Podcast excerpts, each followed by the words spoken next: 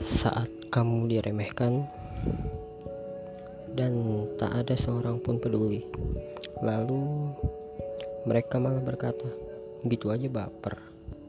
Tanpa ada rasa bersalah terhadap dirimu, dan kamu terpaksa duduk bersama mereka, terpaksa tertawa di luar, berdarah di dalam. Sudah, tak apa-apa. Di dunia ini memang kejam motivasi tak bisa menolongmu. Ucapan manis tak akan bisa menyembuhkanmu. Namun mudah-mudahan ini membantu.